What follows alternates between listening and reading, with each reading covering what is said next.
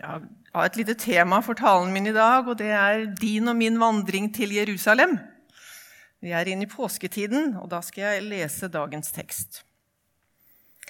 Han tok de tolv til side og sa til dem.: Se, vi går opp til Jerusalem, og alt det som profeten har skrevet om menneskesønnen, skal gå i oppfyllelse. Han skal overgis til hedningene og bli hånt og mishandlet og spyttet på, og de skal piske han og slå han i hjel. Og den tredje dagen skal han stå opp. Men de skjønte ikke noe av dette. Meningen var skjult for dem, og de forsto ikke det han sa. Slik lyder Herrens ord.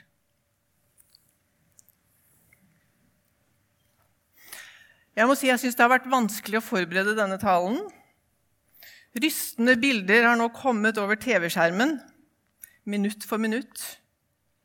Og jeg kan bare ane et lite glimt av de smertene og de lidende og lidelser som menneskene i Ukraina nå går igjennom. Barnehager, boligblokker, barn som blir drept, drept sivile, familier som blir angrepet, mennesker som flykter fra hjemmene sine og mange vet ikke engang hvor de skal flykte. Og hva er da så spesielt med det Jesus gjorde? Var Jesus sin lidelse så mye annerledes og så mye verre enn disse menneskene, det disse menneskene går igjennom? Og hvordan er det mulig å tro på en mann som sier at han ved å dø på et kors vil frelse et folk fra deres synder? Tusenvis av andre har gjort det samme. Og tusenvis av mennesker går igjennom ufattelige lidelser akkurat nå i dag. Er det virkelig mulig i en verden i dag å tro på en mann som sier at han vil lindre all nød, trøste de som sørger, gi styrke til de svake, helbrede de syke, skape fred og forsoning mellom mennesker, gi glede i motgang? Er det mulig? Og Jesus sier selv at det var vanskelig. Det er vanskelig å tro på det han sa. Han visste det. Ennå har jeg mye å si til dere, sier han, men dere kan ikke bære det nå. Men så sa han også at når han kommer, sannhetens ånd, da skal han veilede dere, veilede dere til den fulle sannhet. Jesus tok de tolv til side. Han samlet flokken sin og han snakket med dem. Han som de hadde satt sitt håp til, han som de hadde satset livet sitt på, han som var blitt deres store helt, skulle bli hånt, mishandlet og slått i hjel. Det står at de skjønte ikke noe av dette. Meningen var skjult for dem. De forsto ikke det han sa. Da er det heldigvis ikke bare jeg som stiller spørsmål til denne Jesus som utga seg for å være Guds sønn. Men så skjer det noe når disiplene får Ånden, når disiplene får Den hellige ånd. Og da er det ting begynner å falle på plass for oss og for meg. Det er fastetid, og det er en tid til ettertanke, forberedelse til påske. Og vi har akkurat sunget nå Se, vi går opp til Jerusalem. Hvem våker i verdens natt? Noen må våke. Hvem deler Vår Herres smerte? Kanskje er det nettopp disse nå som lider i Ukraina, de som blir forfulgt, de vi hører om på nyhetene, som kjenner Herrens smerte. Det dere har gjort mot en av mine minste, det har dere også gjort imot meg, sa Jesus. Når Jesus snakker om at han er til stede i disse mine minste, så er det kanskje noe å hente der. Hos de som er nær oss, de som, kjenner, de som kjenner på utenforskap, de som kjenner på mangel på tilhørighet og inkludering. Kommer Jesus sin smerte seg til uttrykk der? Hvem bærer hans sorg i sitt hjerte? er det kanskje gjennom et personlig møte med disse, mine minste, vi får anledning til å bli kjent med Jesus og kjenne på den smerte og den sorg som Jesus bærer.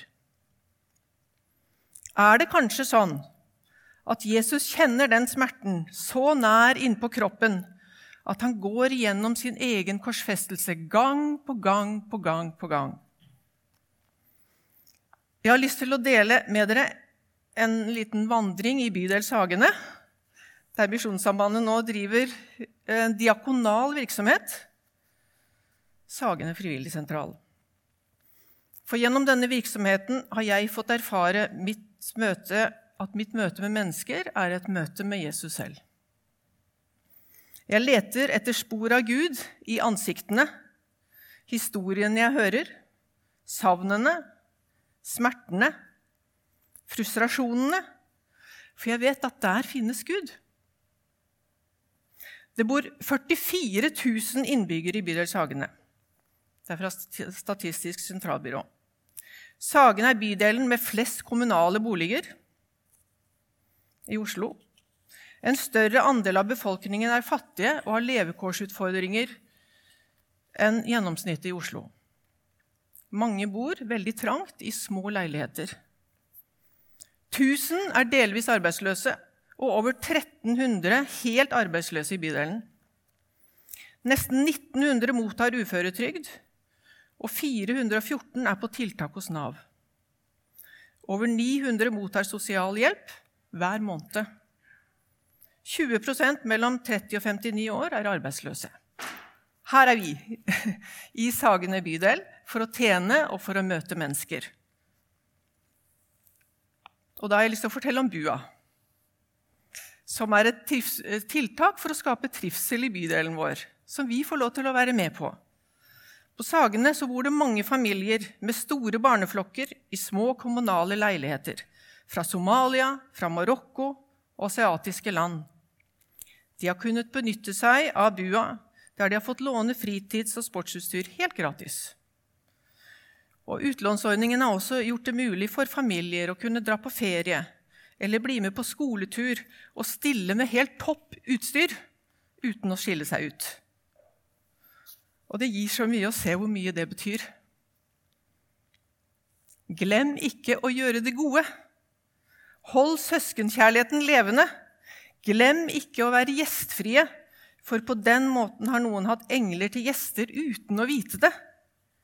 Husk på dem som sitter i fengsel, som om dere var lenket sammen med dem.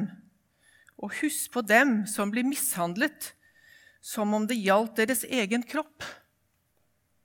Kanskje en spesiell påminnelse nå i denne tiden. For ett og et halvt år siden så sto jeg foran en kiste i Sagene kirke og tok avskjed med en nær venn og frivillig på Sagene frivilligsentral.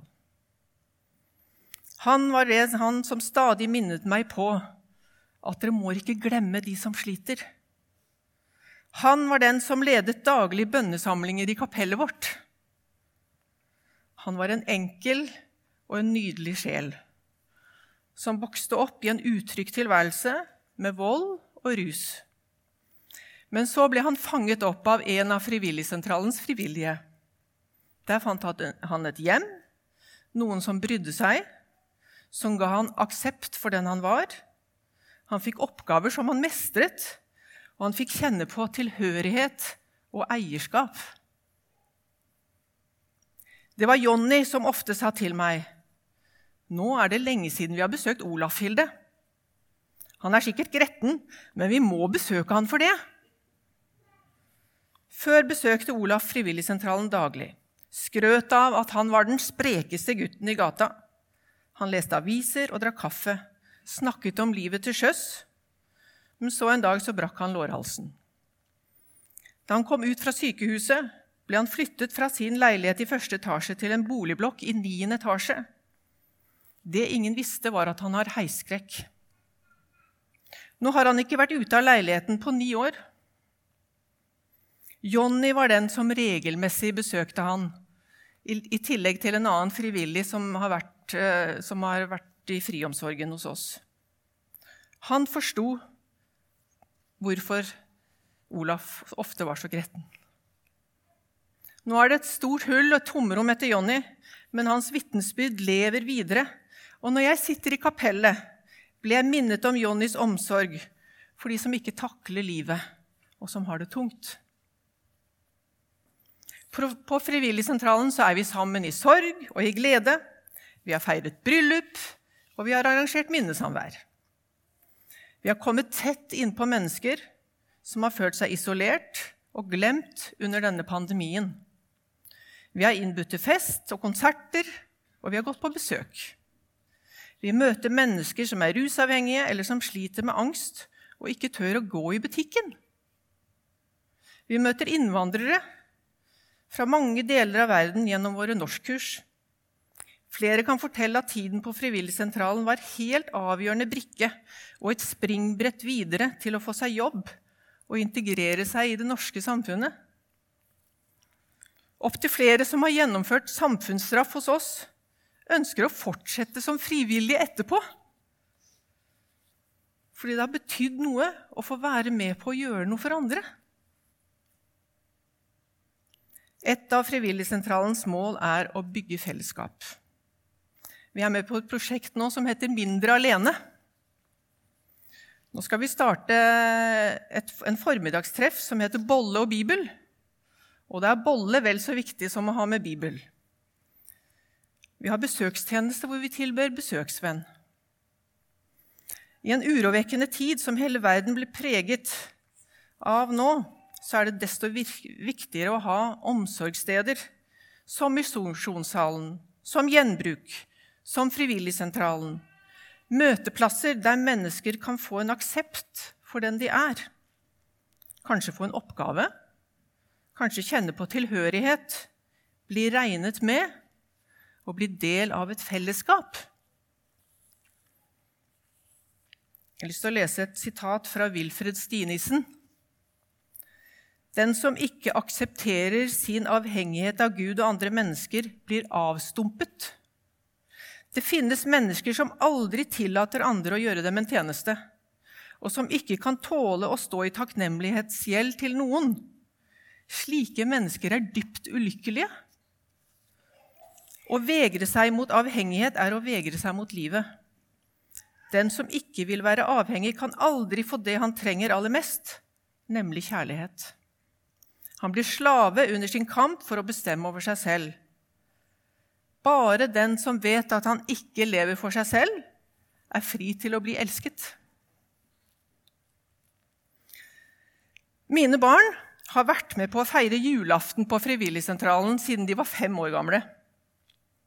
Nå er de selv med og hjelper til som frivillige. Ikke fordi at de føler at de må, og fordi at mamma jobber der, men fordi at eh, de har lyst, og det gjør noe med dem. Menneskene de har møtt gjennom årene, har gjort inntrykk, og de opplever at de har funnet en skatt der. En av mine døtre spurte meg en gang Hvorfor skal vi alltid være så annerledes? Jeg tror hun skjønner det nå. Nå har vi hatt dåp, og jeg unner barn som vokser opp i Norge, å få utvikle vennskap med mennesker som er annerledes, eller tenker annerledes enn dem selv. For gjennom det har nemlig mitt eget gudsbilde blitt utvidet. Jeg leter etter spor av Gud i hvert menneske jeg møter og ofte møter jeg der Jesu lidelse. Vi bærer alltid Jesu død med oss i vår egen kropp, for at også Jesu liv skal bli synlig i den. Frank er en mann som hadde levd et liv til sjøs siden han var tenåring og begynte å komme til Frivilligsentralen. Hilde, jeg har en oppgave til deg. Du skal få ett år på å gjøre meg til en kristen. For om ett år så fyller jeg 65 år, og da skal jeg ha en stor fest. Og på den festen så skal du fortelle alle at jeg har blitt kristen. og da kommer de til å bli overraska. Vi møttes ukentlig, leste i Bibelen sammen. Frank ble med i en bibelgruppe og ga sitt liv over til Gud med alt hva det innebar. Frank planla sin 65-årsdag et halvt år i forkant og skrev liste på hvem han ville invitere. Det var mennesker fra flere sosiale lag, noe familie og flest fra Frivilligsentralens brukere. Og hvilken fest det ble! Jubilanten gliste fra øre til øre, og jeg fikk den ære å fortelle om Frank som nå hadde overgitt sitt liv til Jesus og blitt en kristen. Og gjett om det var mange da som ble overraska. Når jeg møter mennesker i dag på min vandring, så vet jeg at Jesus har vært der før meg. Når jeg ser inn i et menneskes ansikt, så får jeg et glimt av Jesus. Når en venn jeg møter, forteller om angst, omsorgssvikt, frykt, forlatthet, så vet jeg at Jesus ikke er fremmed for de følelsene. Han er der og gir av seg selv. Han gir full aksept full forståelse. Snart skal vi feire påske. Feire oppstandelsen i visshet om at det er en som har seiret over døden og all ondskap. Og det er mye jeg ikke forstår. Men etter hvert som jeg går sammen med Jesus, og Ånden lærer meg, og jeg ser hans spor i de menneskene jeg omgås, så skjønner jeg mer og mer, og det gir meg en ufattelig glede. Ære være Faderen og Sønnen, som var, er og blir en sann Gud fra evighet og til evighet. Amen.